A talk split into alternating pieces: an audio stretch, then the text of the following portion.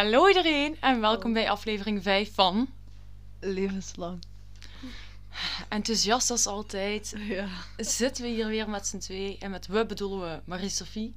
En Carlijn. Ja, en we zitten in een andere setting, maar dat Ja. kunnen jullie niet zien. Wij hebben ons namelijk even opgesloten op de slaapkamer Zonder konijnen. in de hoop dat het geluid beter gaat zijn en Minder achtergrond. ja, en eigenlijk voornamelijk dat Carlijn minder gaat opstaan tijdens de aflevering en achter de ja, konijnen maar als die aangaat. konijnen vervelend zijn, dan moet ik er iets aan doen. It's annoying. Is annoying. Nee. Oké, goed, hier zijn we weer. Ehm, we hebben even een kleine disclaimer, een boodschap van algemeen nut. Wij moeten even onze allergrootste fangirl bedanken. Lieve Mitch van Asfana, ik wil jou heel erg bedanken, omdat je Carlijn altijd tijdens de repetitie elke week eraan herinnert dat ze nog naar de nieuwe aflevering van haar eigen podcast moet luisteren. Oh god, ik was er zelf bij, dus ik hoef niet te luisteren. Dus Mitch, we willen het niet te lang maken, but we love you. Stop fangirling, please. oh god. Bye, Mitch. Oké. Dat was het, oké. Ja. Ja, dat was het. Ja, even. we zijn terug met een nieuwe aflevering. En deze keer een die aangevraagd is door een luisteraar. Mhm. Ik heb namelijk eh, een screenshot gemaakt ervan. Eh, het komt van Griet. Dus dankjewel, Griet, voor deze zaak. Ja, stop. Voor deze zaak gaan we eens naar Frankrijk toe. Zo, vakantie. Op vakantie. We gaan even op vakantie. En dan gaan we het hebben over een zaak uit 2011. Namelijk de affaire van de Dupont de Ligonnès familie. Oh, dat is nog niet zo lang geleden. Dat is nog niet zo lang geleden. En in eerste instantie kwam de naam mij niet bekend voor. Mhm. En wist ik niet waar het over ging. Maar dan eenmaal dat ik het wel begon te lezen, was het wel een zaak die ik kende. Wat er gaat gebeuren, dat vertellen we nog niet. Maar zoals altijd even een disclaimer. De verhalen die wij vertellen zijn niet gezellig of leuk. Mhm. Dat is ook niet onze bedoeling Om daarvan. dat leuk te maken, ja. Nee. En er komen deze keer ook weer onderwerpen in voor, zoals ja, moord, Uiteraard. verdwijning, mysterie. Ja. Hou daar rekening mee. Het is niet zozeer een echte trigger warning deze keer, denk ik, maar hou er gewoon even rekening mee Ja. dat het wel best zwaar kan zijn. Goed. Goed, zullen we er dan maar aan beginnen? Oké. Oké, even tijd voor. Wacht, wacht nog niet klappen. Als we drie keer hebben geklapt, dan begint ons eh, spannend geluidje. Oké. Drie, twee, één.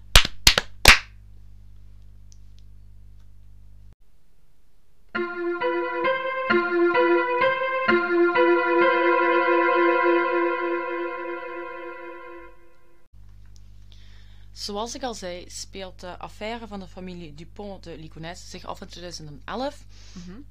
Maar om eerst het hele familiekader te schetsen, keren we even terug naar de jaren stilletjes. Ja, stil. Ja. Het begon eigenlijk allemaal bij de Franse adellijke familie Molin Bridge. Er staat bridge. Er staat Bridge. Bri- Bridge. Bridge. Geen idee wat het is. Daar begon het allemaal bij. Oké.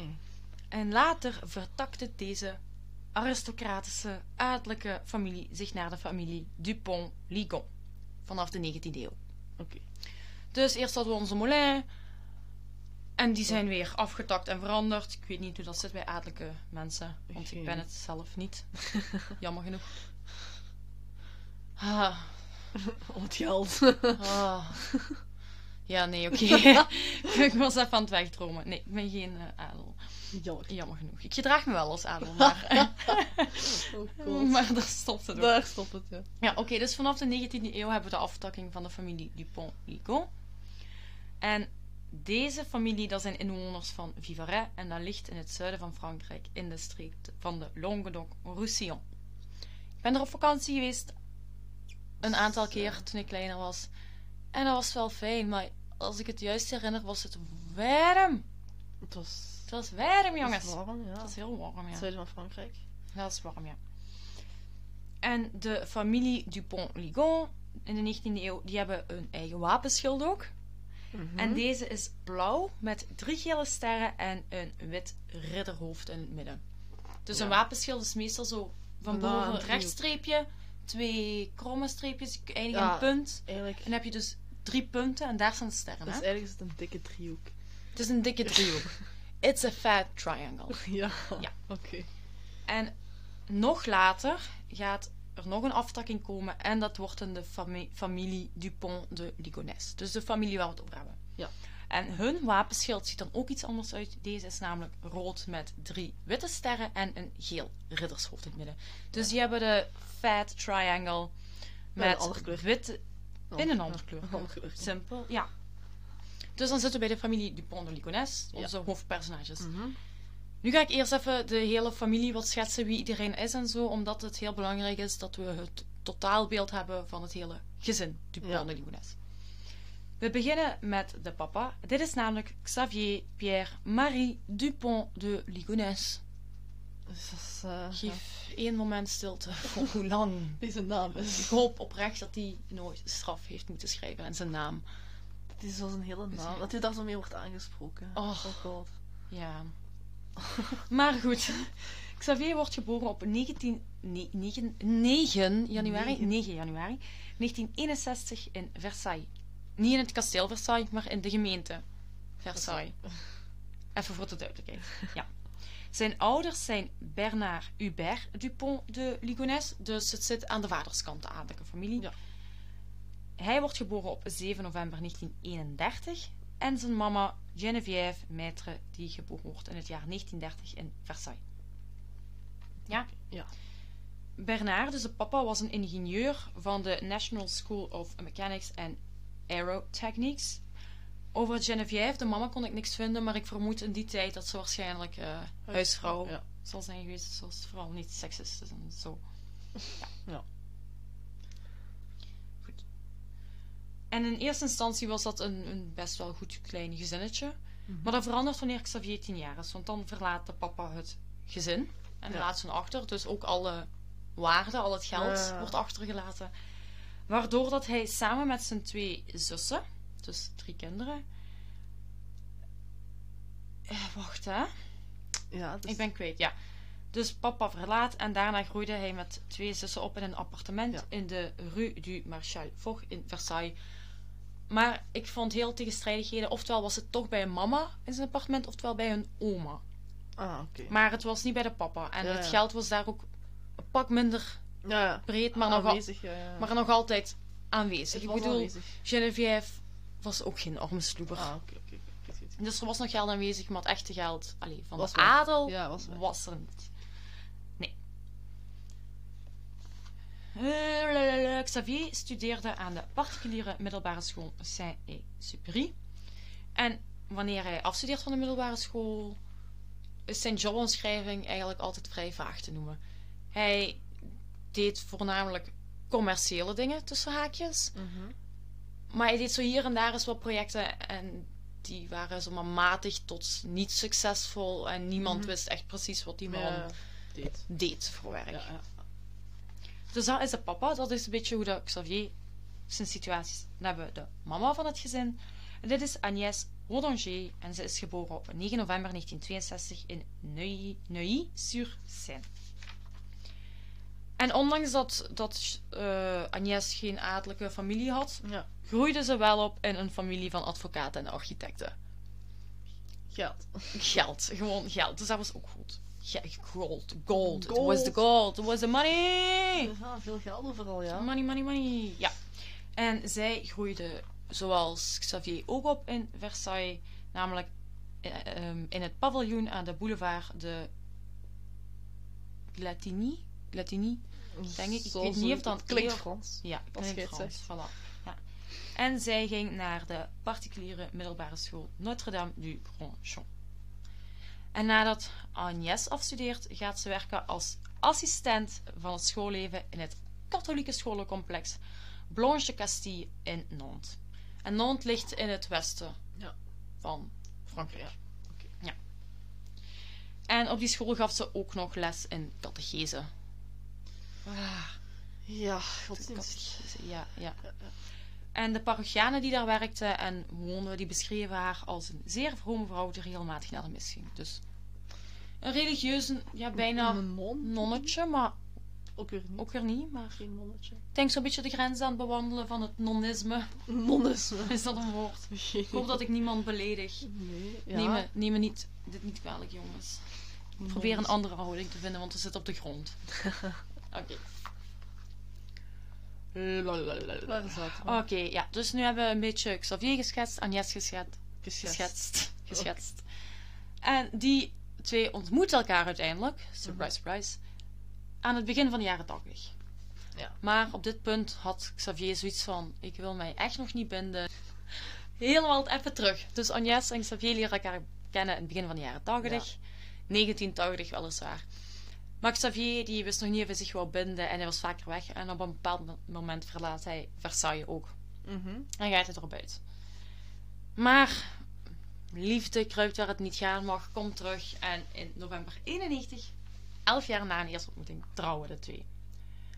En in eerste instantie, naar de buitenwereld toe, hadden die twee een heel rustig gezinsleven. Ja. En het koppel kreeg uiteindelijk ook vier kinderen. Dus ik ga nu ook even de vier kinderen vertellen wie wie is. Ja. Zodat we het hele gezin compleet hebben. Ja. Van zes man. Mhm. Dat is veel. Redelijk veel. Dat is redelijk veel. Voordat we verder kunnen naar eh, wat er gebeurd is. Mhm. Dus hun oudste zoon, namelijk Arthur Nicolas Dupont de Ligonnès, wordt geboren op 7 juli 1990 in Versailles. Nu, het grote ding is dat de oudste zoon Arthur had eigenlijk een andere vader. Ah ja. Dat was niet Xavier, want dat is allemaal een beetje gebeurd terwijl Xavier uit Versailles weg was. En toen hij terugkeerde, was ze dus al bevallen van de kleine. Ja. Of zwanger. Maar omdat Xavier echt bij Agnes zou zijn, had hij zoiets van: fuck al die sociale normen waar ik mee aan moet houden volgens eh, de Franse adel. Ik ga toch mee trouwen en ik adopteer hem. Dus hij heeft het, toen eh, de kleine Arthur twee jaar was, heeft hij hem ook officieel geadopteerd. Dus vandaar dat hij wel de adellijke Naam. achternaam draagt. Ja. En Arthur die studeerde voor computer engineering aan de privévestiging Saint-Gabriel en dit lag in Saint-Laurent-sur-Sèvre, waar hij op zijn twintigste al een bachelor behaalt in de industriële wetenschappen en technologie. Dat is eh, snel. hè. Hè, en ook ehm, op een privéschool, dus het geld zat er wel Ja. en de, de brains waren er ook wel. dat er ook wel en precies. die werden ook wel aangemoedigd. Meestal, ja. En hiernaast werkte Arthur ook nog om wat geld bij te verdienen, als cateringmedewerker in een pizzeria in Ja. de buurt. Mooi. Dus dat deed hij. Dan hebben we het tweede kind genaamd Thomas, Thomas Dupont de Ligonnès. En hij is geboren op 28 augustus 1992 in Draguignan. Dus op dit punt ook in een andere stad, dus ze zijn verhuisd Ja. ondertussen. Ja. Op zijn zestiende behaalde hij een literair baccalaureaat en daarna werd hij student muzikologie aan de Katholieke Universiteit van het Westen van Angers. Ja. Ja. Ook weer heel is mooie ook weer- prestatie. Ja, inderdaad. En tijdens zijn studie woonde hij in het huis van Saint-Aubin. En ik vermoed dat dit een soort van studentenhuis is. Ja. Dus een ja, kot, meerdere kotten. Kot, ja. Ja. En door de medebewoners werd hij beschreven als een gewone jongen die vaak vergezeld was door zijn familie voor hem af te zetten en op te halen. Terwijl hij op school dan weer werd beschreven als een zeer discrete jongen, Ja. wat erop neerkwam dat zij eigenlijk niet echt wisten dat hij van adel was of Ja. de afkomst van zijn familie. Maar Ja. zijn kotgenoten wisten dat dus wel. Goed, dan gaan we over naar het derde kind. En dit is Anne. Anne Dupont de Ligonnès. En zij is geboren op 2 augustus 1944 in Draguignan. 44.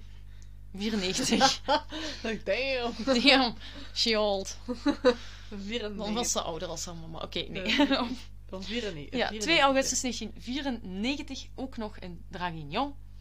En zij studeerde voor een academisch curriculum in de wetenschappen aan de privéschool Perverie Sacre-Cœur Collège. Dat is ook weer zo'n... eh, Dat is ook weer zoiets, ja. Zware Ja. opleiding en zo. Inderdaad. En de familie en vrienden van Anne beschreven haar als een meisje dat haar moeders religieuze overtuigingen deelde en tegelijk ook heel open en zorgzaam was naar anderen toe. Oké. Dus een religieus, lief meisje. Ja. Ja. Niks bijzonders. Dat was het vierde kind. Nee, dat was Nee, het derde kind. Ja, nu komt nummer Dus daar vier. komt, nu komt nummer vier. En nummer vier is niemand minder dan Benoît Dupont de Ligonnès. En hij wordt geboren op 29 mei 1997 in Pornic. En ook hij was een student aan dezelfde privéschool als Anne, namelijk de Perverie Sacré-Cœur Collège. Ja. En Benoît was eigenlijk een heel populair kind op school. En daarnaast was hij ook wel met religie bezig, want hij was een missionaar in de Saint-Félix-kerk. Oké. Ja. Dus we hebben Xavier en Agnès en de vier kinderen: Arthur, Thomas, Anne en Benoît. Ja. ja. Oké. En als je dat allemaal overziet, is dat een familie die langs twee kanten wel in geld baat. Hè? Zolang, Zowel langs Xavier zijn kant als van Agnès. Ook al zit daar minder omdat zijn papa natuurlijk weg is gegaan en heel veel geld. Maar bij Agnès zit ook heel erg veel geld. Dus die, die komen gemakkelijk toe, gewoon door wie ze zijn. En door hun situatie zei Xavier eigenlijk zelf dat hij een soort grootheidscomplex had. Oké. Dus die had het hoog in zijn bol. En ik quote, hij zei namelijk dat hij behoorde, quote, tot een groep mensen die intelligent, vastberaden en gebalanceerd zijn. En ze hebben goede moralen en een goede fysieke gezondheid. Unquote. Ja. Also, dit zijn redelijk letterlijke vertalingen die ik heb gepakt. Dus sommige woorden klinken misschien wat raar, maar ik ben niet zo heel goed in het vertalen van Frans. Oké, laat me maar rust. Het is gewoon... Uh, het, het, je weet waar het op neerkomt. Het is wat het is. Ja. En door het alles hield Xavier de, het... Oh, oh sorry jongens. Top tegen de micro. Uh, door dit alles hield Xavier ook het beeld van de goede Franse adellijke aristocratische familie hoog. Ja. Ondanks dat hij eigenlijk ergens wel naar avontuur verlangde. Dit had hij al vanaf zijn jeugd. Dat hij mhm. ergens toch ook wel daar een beetje van wou loskomen. Maar dat deed hij niet. Want het, het, geld, het comfort gaf hem gewoon een soort gemakzuchtig leven uiteindelijk. Ja, inderdaad. Ja. En uiteindelijk, begin jaren 2000, probeert hij dan toch een avontuur na te jagen. En het gezin probeert namelijk tijdens het begin van het jaar 2000 te immigreren naar Florida. Het is toch een droom achterna. Maar dat mislukte. Oh. Maar het gezin had heel veel geld erin gestoken in die immigratie. Dus ze waren ja, ook heel veel geld kwijt. kwijt. Ja, dat is en na een hele tijd van rondtrekken, want zoals ik ook uh, heb aangehaald, zijn die kinderen op verschillende plaatsen geboren settelen ze zich dan maar in Nantes, dus waar de mama Agnès werkt. En daar kiezen ze eigenlijk voor een rustig en stil leven. Ja. En ondanks dat ze wel heel wat geld verloren hadden en dat Xavier zijn business ideeën nog wel niet goed waren, leek het wel alsof het best een gelukkig gezin was. Ja. Het was oké, werd er buren niet gezien als een gezin waar problemen waren ja. of zo. Nee. Maar achter gesloten deuren. Ja, weet je nooit wat er gebeurt. Gebeuren er andere dingen. En er waren wel degelijk problemen in het gezin. Vanaf eigenlijk al begin jaren 2000 begint de spanning tussen Xavier en Agnès als koppel heel hoog op te lopen. En vermoedelijk hebben ze vanaf 2002 al huwelijksproblemen. Hmm. Ze praten hier op zich niet bij veel mensen over, en zeker Agnès niet, maar uiteindelijk vindt ze toch online in 2004 een manier om te praten over de problemen. En dat is namelijk op het Doctissimo Forum. Hier gaat ze wel open praten over de problemen die ze ervaart in het gezin en vooral met Xavier. Ik heb een van haar uitspraken opgeschreven en die ga ik ook even gewoon letterlijk voorlezen. Xavier is te judgy, hij maakt te snel ruzie, hij is te star en te militair. Er is geen affectie meer tussen ons. Geen aandacht, geen zachtheid, geen seks. Wanneer ik hem vraag of hij gelukkig is, zegt hij altijd ja. Maar als we morgen allemaal kunnen sterven, zou dat beter zijn. Unquote. Zo. Ja, dus dat zijn de dingen die ze daarop post. Best wel zware dingen. Ja. Eerlijk. Ja, maar ze proberen ergens ook wel om het toch beter te maken, want in diezelfde tijd, begin jaren 2000, mhm. zou het koppel namelijk een soort liefdestrio hebben gevormd met Michel Ritif. En dat was een vriend van Xavier. En die twee waren al bevriend vanaf de jaren 80. Speciaal vriendschap. Nou, dat heeft duidelijk eh, geen stand gehouden. Dus dat was ook geen oplossing om hun relatie te redden. Nee, geen succes. En een jaar nadat Agnes zich uitspreekt op die fora, dient ze een politierapport in tegen Xavier omdat hij hun oudste zoon Arthur aangevallen zou hebben. Oké. Verder is er niet heel veel van bekend. Maar het is gebeurd. Maar het is gebeurd. Want het was eigenlijk zelfs al moeilijk om echt een beetje te vinden hoe het gezin leefde. Omdat er, als je op internet gaat en je zoekt alles, vind je heel veel gewoon een beetje: dit is het gezin. En dat is er gebeurd. Ja, dus het was wel even zoeken om, uh, daar details over te vinden. om überhaupt Ja. details over het gezinsleven te vinden. Dus over sommige dingen heb ik gewoon niet meer details. Dus Xavier zou acht uur aangevallen hebben, maar meer weten we niet. En op dit moment werden hun financiële problemen ook erger en erger. En ondanks dat Xavier dus van een adellijke familie afstamde, slaagde hij er niet in om een stabiele carrière voor zichzelf op te Ja. bouwen. Het lukte hem niet. En het gezin was eigenlijk ook voornamelijk afhankelijk van de erfenis die Agnès had gekregen. Ah ja. Dus ze, waren, ze hadden eigenlijk zelfs niet zo heel veel aan. Het was vooral van Agnès Ja, dat ja. het kwam. En spoiler alert. Doe even je oren dicht als je het niet wilt horen. In 2011 raakt dat geld op. Op, ja. En zoals ik zei, speelt Ja, de zaak zich af in 2011. Of begint die in 2011. Ja. Goed. En Xavier die had zichzelf op dit punt nog meer in de schuld gewerkt. En die werd echt wanhopig voor Mhm. geld. En hij werd zelfs zo wanhopig dat hij op een bepaald moment een minnares van hem had gecontacteerd. Ja. Want ja, hij hield er ook wel doorheen Frankrijk en andere landen wat minnaresjes op na voor zijn jobreizen, wat dat dan ook mocht inhouden. Ja, ja.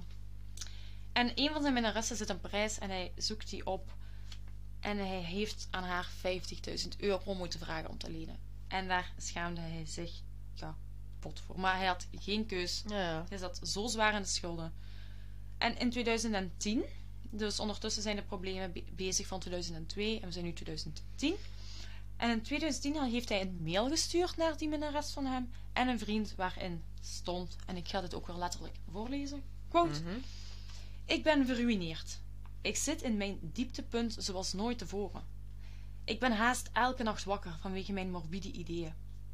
Ik kan mezelf ombrengen zodat Agnes 600.000 euro krijgt. Of ik geef iedereen slaappillen en steek dan het huis in brand.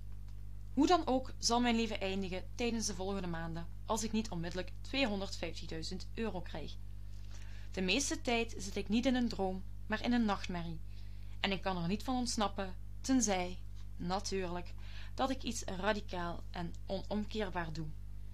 PS, ik ben heel serieus, helder en niet onder invloed van drugs of alcohol. Ja, Unquote. dat is... eh, Ja, en daarbovenop werd de mail ook nog vergezeld door een bijlage. En toen ze dat openden, leek het op een soort testament dat hij had Ja. opgemaakt. Oké. Dus dat was in 2010 gebeurd. En nu Mhm. gaan we naar het jaar van de feiten, 2011. 2011. Ja. En ik ga het eh, even hebben over de laatste maanden voordat de feiten zich afspelen. Ja. Ja, oké. In januari 2011 sterft de vader van Xavier. Mhm. En Xavier die ging naar het appartement van zijn papa toe om door zijn spullen te gaan zoeken. Hoogstwaarschijnlijk op zoek naar waardevolle dingen die Of hij, geld, ja. of geld dat hij zou kunnen verkopen. Maar de appel viel niet ver van de boom, want ook de papa van Xavier had financiële problemen en stierf nagenoeg gewoon arm. Dus ja, daar viel niet veel te rapen. Ja. Het enige dat Xavier wel erfde was een 22 long rifle. En dit is een geweer. Maar Xavier die had eigenlijk nooit echt interesse voor wapens, want hij wist ook wel dat zijn papa die had. Maar toen opeens, toen dat van hem werd, was de interesse gewekt. En een maand later, in februari 2011, haalt hij dan ook zijn wapenlicentie al. En ging hij vaak zitten bij een club die net buiten Nantes lag. En af en toe nam hij ook zijn zonen mee. Fijn schieten. Ja, lekker uitje met de papa. Ja, wij, wij hebben ook al op een schietbaan gestaan. Ja. En eh, het was echt niet zo gezellig met dat, dat harde geluid. En ja, het is Het is niet echt een familieuitje. Het is leuk Het om te doen, maar je gaat... Nee. niet met die familie. of zo. Oh, ja, Nee. misschien voor anderen is het anders. Ja, oké. willen niemand... Ik zou, ik zou er niet mijn vier kinderen... En zeker niet kleine kinderen aan meenemen. Maar het, is, het was wel leuk om eens te doen. Ja, Dus, ja, waar. maar ik kan me het dus voorstellen. Ja. Weer een maand later, in maart 2011, kocht hij een geluidsdemper voor op het geweer te zetten. Mhm. En een tijdje later ging hij ook nog op een shopping spree. En niet naar Maasmechelen Village. Ehm, hij ging een beetje ver vanuit is een beetje ver voor hem. Dat is waar, ze wonen in het westen van Frankrijk. Ze komen niet naar Maasmechelen Village voor een shopping spree. Die zullen daar wel iets hebben. Ja. Maar oké, wat hij ook ging kopen, dat was, dan moest hij eerder naar de Gamma gaan. En- De gamma van in Frankrijk. Ja, in eh Maasmechelen of zo. ja, naar de gamma van Frankrijk. De gamma. Nee. De gamma. Oké. En hij ging dus op shopping spree waar hij cement, kalk, kogels, schoonmaakspullen, vuilzakken, een schep en een trolley kocht. Ja, dat is Ja. toch normaal, hè? Ja, doodnormale aankoop. Koop ik, koop ik ook elke week bij de, Bij de Action. De, Action, ja, absoluut. Goedkoop. Ja. En tijdens de laatste weken voor de feiten leek het eigenlijk voor de omstanders alsof dat Xavier zich aan het voorbereid- voorbereiden was op een heel grote verhuis. Mhm. Want ooggetuigen die zeggen namelijk dat ze hem een week voor de verdwijningen hele grote spullen, echt huishoudspullen, Ja. zagen inladen in de auto. Ja. En daarbij kwam ook nog dat Xavier op dit punt een aantal schulden zou hebben af- afbetaald, zoals de laatste schoolrekeningen van Anne en Benoit. Mhm. En wat hij hierna deed is dan wel vreemd, want hierna heeft hij alle rekeningen van het gezin gesloten. Verdacht. Veracht. Even later wordt ook de huurovereenkomst van het gezin opgezegd. En ergens begin april hangt er een A4-blad aan de brievenbus waarop staat: Post moet worden teruggestuurd naar de afzender. Dankjewel. Oké. Ja. Nog verdachter. Heel verdacht. En het is nu zo eind maart. Mhm. We gaan naar 1 april. En Xavier die heeft naar de werkgever van Agnes gebeld op die school. Om te zeggen dat ze leed aan gastroenteritis. Ik heb niet opgezocht wat dat is. Gastro is iets met de buik. Het Waarschijnlijk. is iets. Dus Xavier had gebeld in plaats van Agnes. En die werkgever had iets van oké. En twee dagen later ontvangt die werkgever een sms van Agnes. Dus van de telefoon van Agnes. Waarin ze zegt dat ze opgenomen is in het ziekenhuis. En dat hij haar niet kon bellen Ja. of überhaupt deftig bereiken. Maar vooral niet bellen. Ja. En nog een week later, dat is ongeveer rond 11 april, Ja. Ontvangt de werkgever van Agnes een ontslagbrief van Agnes waarin staat dat ze met haar man gaat emigreren naar Australië. Australië. Vandaar de grote verhuisspullen waarschijnlijk. ja, ja, Ja. ja. En nu gaat het snel. We gaan naar 1 april. Mhm. En op 1 april 2011 verlaat Arthur, de oudste zoon, nadat zijn les op school gedaan zijn, verlaat hij zijn school, waarna hij rechtstreeks naar de pizzeria zou gaan, maar daar komt hij nooit aan. Ja. En zijn baas geeft achteraf ook aan dat hij dat heel vreemd vond, want het was 1 april, het was de eerste dag van de maand, en dat was de dag waarop dat Arthur altijd stipt zijn loon kwam ophalen. Ja. Dus dat was vreemd. Mhm. En drie dagen later, op 4 april, komen Anne en Benoit niet meer opdagen op school. Dus Ja. 3 april zijn ze nog gezien, 4 april Niks. dagen de twee jongsten niet meer op op school, omdat ze zogezegd ziek zouden zijn. Daar had ook Ja. Xavier voor gebeld. Maar de vrienden van Anne en Benoit, die vinden dat nogal raar. En die maakt zich wel zorgen, omdat ze ook helemaal niet via sms kunnen bereiken of eender wat. Ja. Ze krijgen geen respons ja. terug. Dus op 1 april wordt Arthur voor het laatst gezien en dan op 3 april Anne en Benoit. Ja. En dan weer twee dagen later, op 5 april, wordt Thomas, dus het tweede kind, voor het laatst gezien toen hij samen met zijn papa was gaan uiteten. Oké. Dus op dit punt zijn alle vijf personen vermist. De mama Mhm. en alle kinderen zijn vermist op dit punt. En op 11 april, zoals ik al aangehaald had, de dag waarop dat de werkgever de ontslagbrief van Agnes ontvangt, Ja. ontvangt de school van Anne en Benoit ook een brief van Xavier waarin stond dat ze jawel, naar. Australië gingen verhuizen voor zijn werk. En er wordt trouwens ook vermoed dat Agnes ehm, het laatst gezien zou zijn op 3 april, want over haar was het niet specifiek. Ze vermoeden tussen 3 en 7 april, maar aan de hand van dingen die we later te weten komen, wordt eerder geschat op 3 april. Ja. Dus dan zou op 1 april Thomas verdwenen zijn, op 3 april Agnes, Anne en Benoit. En op 5 april Thomas. Nee, de eerste Nee, was Arthur. Arthur, ja, Arthur, ja. Iedereen nog mee? Ja. En diezelfde dag op 11 april, dus die ontslagbrief komt aan, de school krijgt de brief. eh, krijgen de vrienden van Xavier en Agnes een getypte brief aan bij hun thuis. Maar die was niet ondertekend. En dat was iets wat de familie normaal wel deed om aan te geven dat het authentiek was. Mhm. Maar dat was niet gebeurd. En die brief bestond uit vier pagina's, waarin stond, en nu wordt het een beetje vreemd, alsof het nog niet raar genoeg was, Ja. En daarin staat dat Xavier heimelijk voor de Verenigde Staten van Amerika werkt voor de DEA. En de DEA, dat is eh, de drugsbrigade van de Verenigde Staten. Drugsbrigade. Dat De- klinkt zo grappig. Ja, ik weet ook niet of dat een echt Ja. woord is. De Drug Detection Program, maar dan is het Hmm. DPA en Nee, niet DEA. Is- oh shit, wat is die afkorting? Drugs Enforcement Ja, Agency. Oh, ja, ja, ja, dat kan wel, ja. ja. zoiets. Dus- Geen flauw idee. Eh, eh, in die, ja, dus in die getypte brief stond van... hey, ik werk dus voor de DEA in Amerika.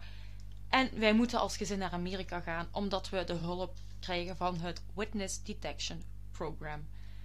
Maar omdat ze dus ook in dat programma zouden worden opgenomen... konden ze ook niet bereikt worden voor hun eigen veiligheid. Wat is witness protection? Ja, de Witness Protection witness detection. Oh, weer een fout. Witness Protection. dat kan ik niet. Witness Protection Program. Dus dat stond in die brief.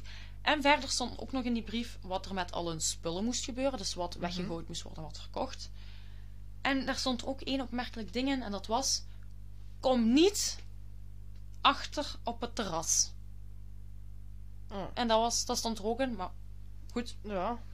Graag. En dan als allerlaatste stond er nog in dat ze tegen alle rest moesten zeggen dat ze in Australië waren. Omdat dat ook is wat ze hadden meegegeven aan bijvoorbeeld de school en het werk. Ja, Om hun eigen veiligheid erin te garanderen. zo gezegd. Dus het is 11 april en iedereen is weg. Ook de papa. Iedereen is verdwenen. De laatste mensen hebben brieven gekregen. Allemaal heel En het wordt heel stil in hun Ja. huis. abrupt. En de buren van de familie die merkten dat wel op dat het heel stil was. En dat er Mhm. de laatste dagen niemand naar binnen of buiten was gegaan. En dat was apart voor een gezin met vier kinderen. Ja. Dat was iets, dat was vreemd. En twee dagen later, dus op 13 april, ging een van de buren hiervan melding maken bij de politie. Ja. Waarop dat die eens naar het huis gingen, dat hebben betreden. Maar niks verdachts hadden gezien of zo. En Ja. terug vertrokken zijn. Het, het leek er meer op alsof ze effectief wel vrijwillig allemaal waren vertrokken naar Australië slash de Verenigde Staten. Ja, ja. Maar de familie van Agnes, die dus ook die brief had gekregen, Mhm. die, die vertrouwde het niet. En die bleven volhouden. Excuse me. Excuse me. dus de familie van Agnes vertrouwde het niet en die bleven volhouden dat er iets mis was. Omdat volgens hun Agnes nooit zou vertrekken zonder toch te zeggen. Die Ja. zou dat niet doen. En intussen tijd, op een paar dagen, is de politie ongeveer zes keer ter plaatse op het huis geweest. Dat is redelijk veel. Redelijk veel. En dan duurt het nog tot 19 april, dus al acht dagen nadat ze verdwenen zijn, dat er een officieel onderzoek gestart wordt naar de verdwijningen van het gezin. Dat is heel lang. Het werd dan toch eens tijd. Ja. Twee dagen later, op 21 april, beginnen ze dan ook met die, van die missing posters te verspreiden. Ja, ja. Maar lang blijven ze niet hangen, want diezelfde dag nog worden de lichamen van Agnes en de vier kinderen gevonden onder het terras van het huis. Ja. Dus de enige plaats waar in de brief stond dat ze niet mochten Kijken. kijken of komen. Had die beter niks kunnen zeggen. Ja, inderdaad. Ja, ah, oké, als ze met te goede Ja. woord doen. inderdaad. Ze werden allemaal gevonden terwijl ze hun nachtkleding nog droegen en ze waren gewikkeld in lakens en ze lagen in twee graven. We hadden namelijk Agnès samen met Arthur, Anne en Benoit, die Ja. allemaal tussen 1 en 3 april verdwenen zijn. Ja. En Thomas, die dus op 5 april Nee, verdwenen acht is. acht uur. Nee, Arthur ligt mee in het eerste graf. Ah, oké. We hebben Agnès, Arthur en Anne en Ah, Benoit. ja, ja. Die ja. liggen in één graf en hebben we Thomas, het, die apart in een Die graf is, was, toen gaan eten. Ja, die was Ja, gaan eten ja, en die ja, is ook pas later verdwenen. dus die dat ik lag ben, apart. ik ben terug mee.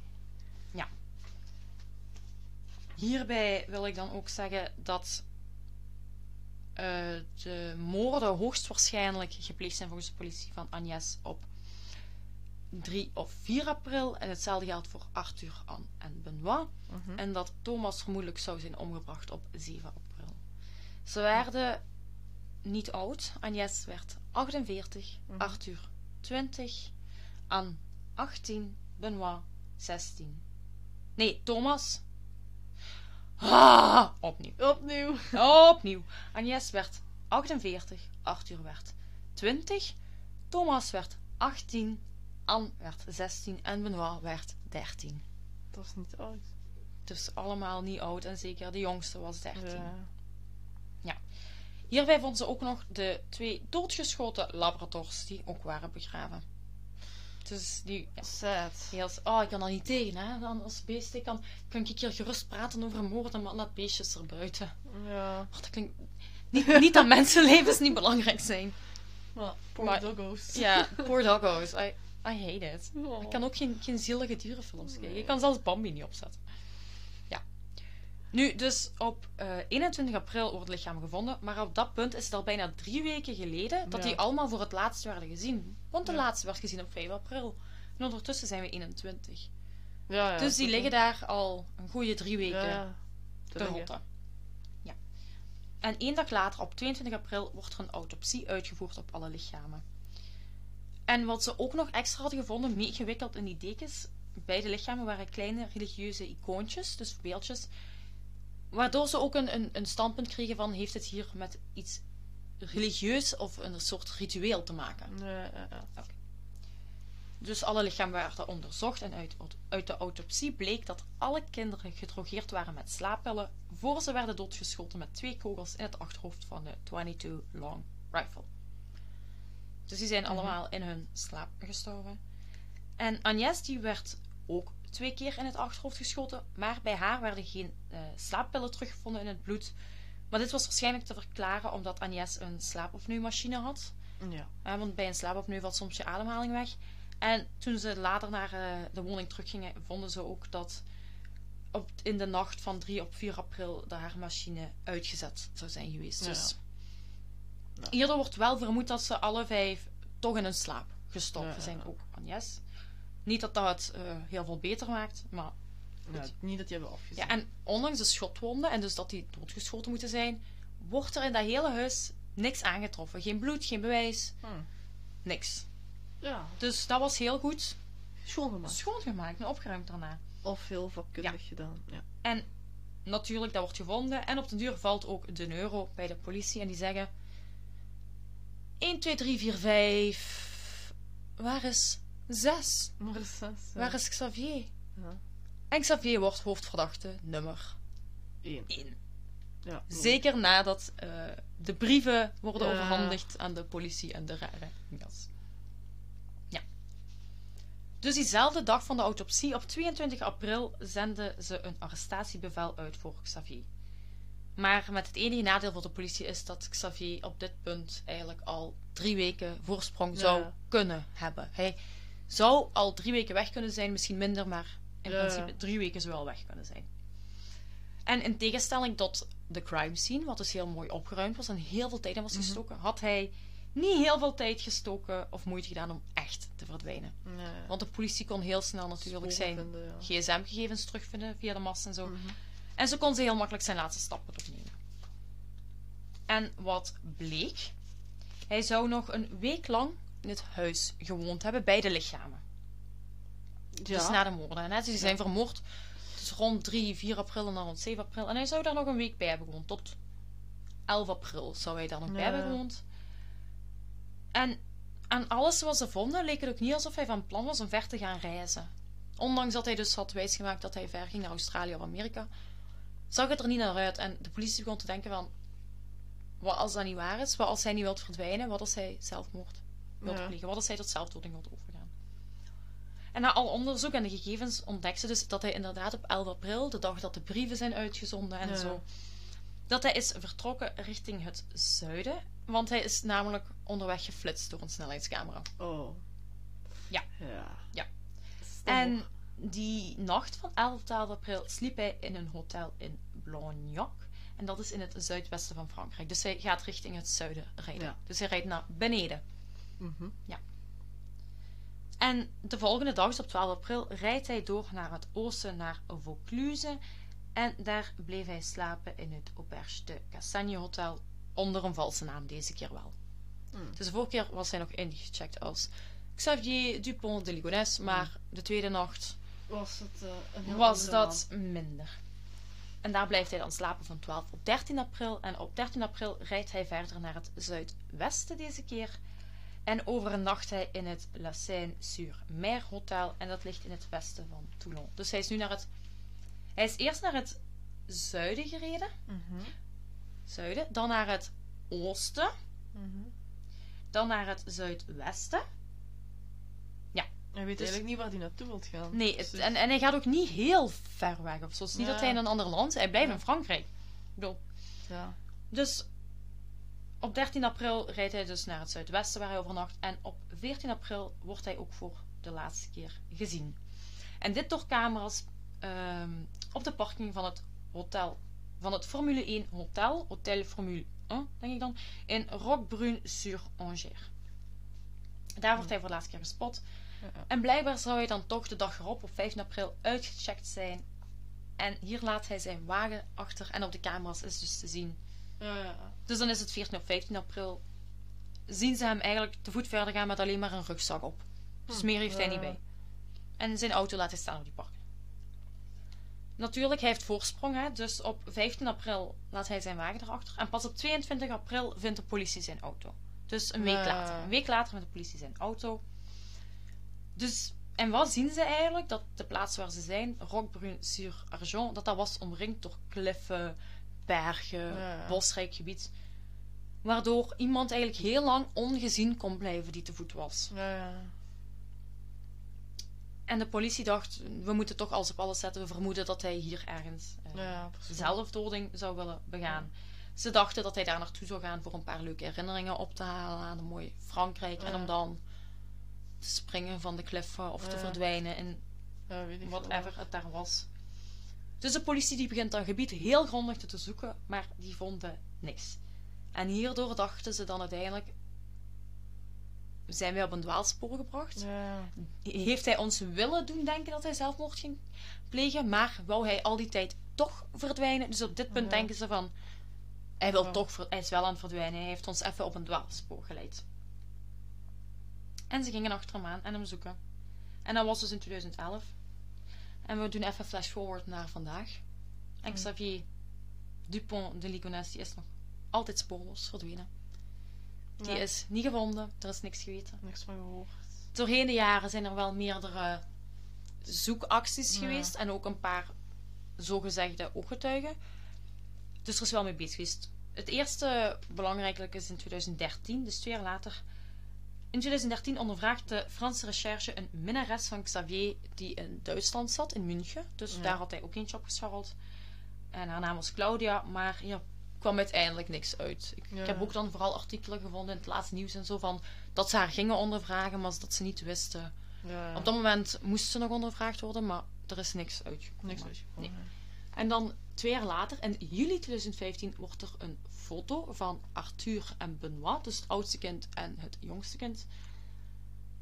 eh, met op de achterkant hiervan: Ik leef nog. Gestuurd naar een journalist in Nantes, dus de plaats waar ze woonden. Dus die krijgt een foto aan van de oudste en de jongste zoon. En op de achterkant staat in het Frans: Ik leef nog. Dus die journalist denkt: Big news! Ja. Maar uiteindelijk, na heel grondig onderzoek ook op dat vlak, levert het niets op, omdat het niet kon bewezen worden dat hij dat effectief had verstuurd. Het kon evengoed Ja, een, prank zijn. een ja. zijn. En dat is uiteindelijk ook waar het vermoeden naar uitging. Mhm. En dan gaan we naar 2018, dus vier jaar geleden. Toen kreeg de politie een tip binnen dat Xavier in een klooster zou zitten in Roquebrune-sur-Argent. Dus waar hij het laatst was gezien in Ja. 2011. En de politie die gaat een kleine raid Ja, uitvoeren in het klooster. Maar hier was hij niet. Dus dat was ook weer een tip Ja. dat tot niks leidde. En dan een jaar later, in 2019, hebben we eigenlijk het laatste, echt wat we weten. Dan werd er een man opgepakt in Glasgow, Scotland, die heel erg veel op Xavier leek. Oh. Waardoor ook heel snel de gerucht kwam van hij was het. Maar na DNA-test Ja, bleek dat helemaal geen match te zijn. En was het toch ook gewoon weer een heel random iemand. En nu drie jaar later, in 2022, zijn er nog altijd geen aanwijzingen naar zijn verblijfplaats. Ja, ja. Dat wat dus ook betekent dat hij ondertussen al haast 11 jaar verdwenen is. In april is hij 11 jaar Ja. van de radar verdwenen. Ja. En dit alles blijft ook een mysterie voor Frankrijk, omdat ze op die manier Ze weten ten eerste niet wat er met Xavier gebeurd is. Ze vermoeden, denk ik vooral, dat hij de moord heeft gepleegd. Wat ook wel zal zijn, maar ja, geen dader. Ja, Dan- heb- ja. Dan wordt alles gissen. ja. En hij zal zo lang verdwenen. Hij kan zijn uiterlijk veranderd hebben, alles. En, en, en ik denk heel belangrijk voor de familie.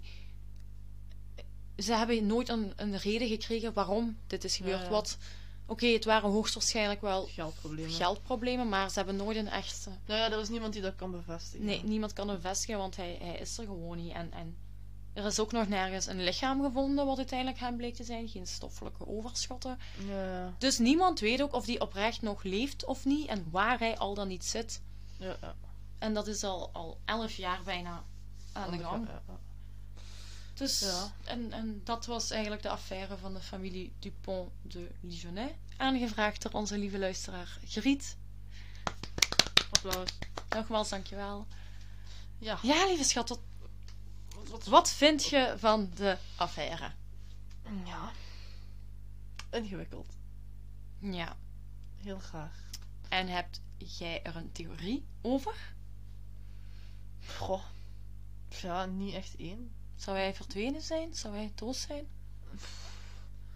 Ach, dat is moeilijk te zeggen. Die, die had geen geld. Maar nu, ik denk misschien wel met die spullen wat hij heeft verkocht. Dat hij misschien toch een beetje geld... Ja, hij heeft uiteindelijk ook zijn auto achtergelaten. Dus hij had Ja. eigenlijk alleen nog zijn rugzak op. Ja. Wat Misschien- ook ja, een, een gewone rugzak was, geen super groot. zeker als je dan naar zo'n gebied gaat, volgens mij is die dood. Ik denk het. Ja, ik. Ik, ik vind het gewoon heel straf. Want ja, gelijk gezegd, die laat zijn auto achter. Die heeft alleen een rugzak, ja. Ja, misschien dat hij iets achter de hand had of zo. Dat Wie kan weet ook. En hij ja, handlangers die hem Ja, hielpen, anderen, en waarmee hij is kunnen vluchten. Oh, ik voel zo alle pistes opkomen, jongens. ja, nee, ik weet het niet. ja ik, ik- Dat iets- lijkt me sterk. ja, Als hij al zeker mensen erbij heeft betrokken, dan gaat ooit iemand ja. gewoon... Dus jij, jij houdt het op. Hij is dood. Ja, ik denk het wel. Ja. Ik hou het op. Hij is verdwenen. Hij, hij is nog in leven. Ik weet niet waarom.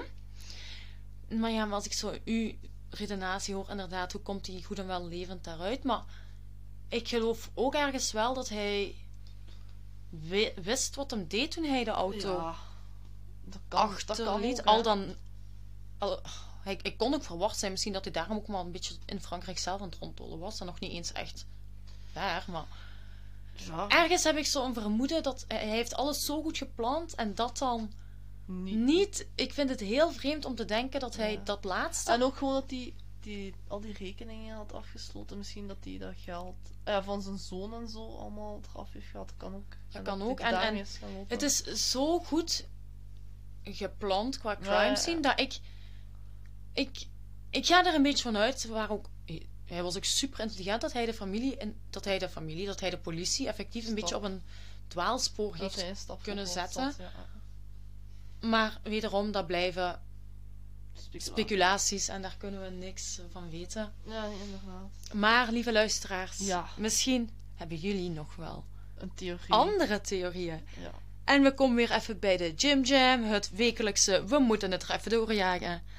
Jullie kunnen ons namelijk volgen op Instagram bij Levenslang Podcast. Mhm. Op Facebook gewoon onder Levenslang.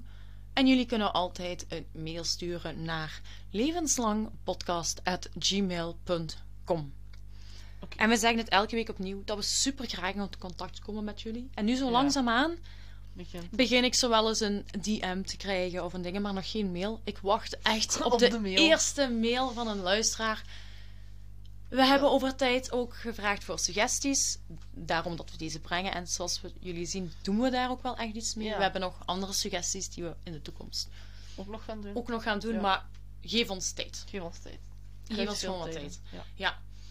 Dus wie gaat ons de eerste mail sturen? Wie gaat, wie gaat mij zo blij maken? Gewoon de eerste mail. En, en wie gaat Ja, wie gaat het ijs breken? Wie gaat het ijs breken? Iemand breek het ijs en stuur een mail. Want Ja, weet je, een DM is wel veel makkelijker. Dat is zo ja, een DM gedaan. is makkelijker. Stuur ook DM's. En dan Ja, dat is... Dat is... voornamelijk met jullie theorieën. En ook met eventuele suggesties. Of Ja. als jullie gewoon even hallo Of een hallo willen zeggen. willen komen zeggen, dat vinden wij ook wel gezellig en tof. Kan ook wel. Ja, dan zeggen wij gewoon hallo Hallo terug. terug. En, dan, Wie weet eindigt het gesprek. en daar eindigt het, maar dat is ook wel oké. Dus, dat is ook oké. ja, Voel je Lieve- vrij om te sturen. voel je vrij. Behalve Mitch. Mitch, Behalve Mitch. jij niet, dank u.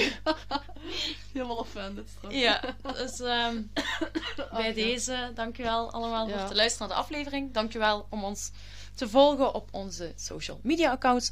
En om ons eh 5 sterren reviews te geven en recensies en zo. Dat is allemaal heel leuk. Dat is allemaal heel leuk dat jullie dat doen. Blijf dat doen. Of beginnen te doen, want...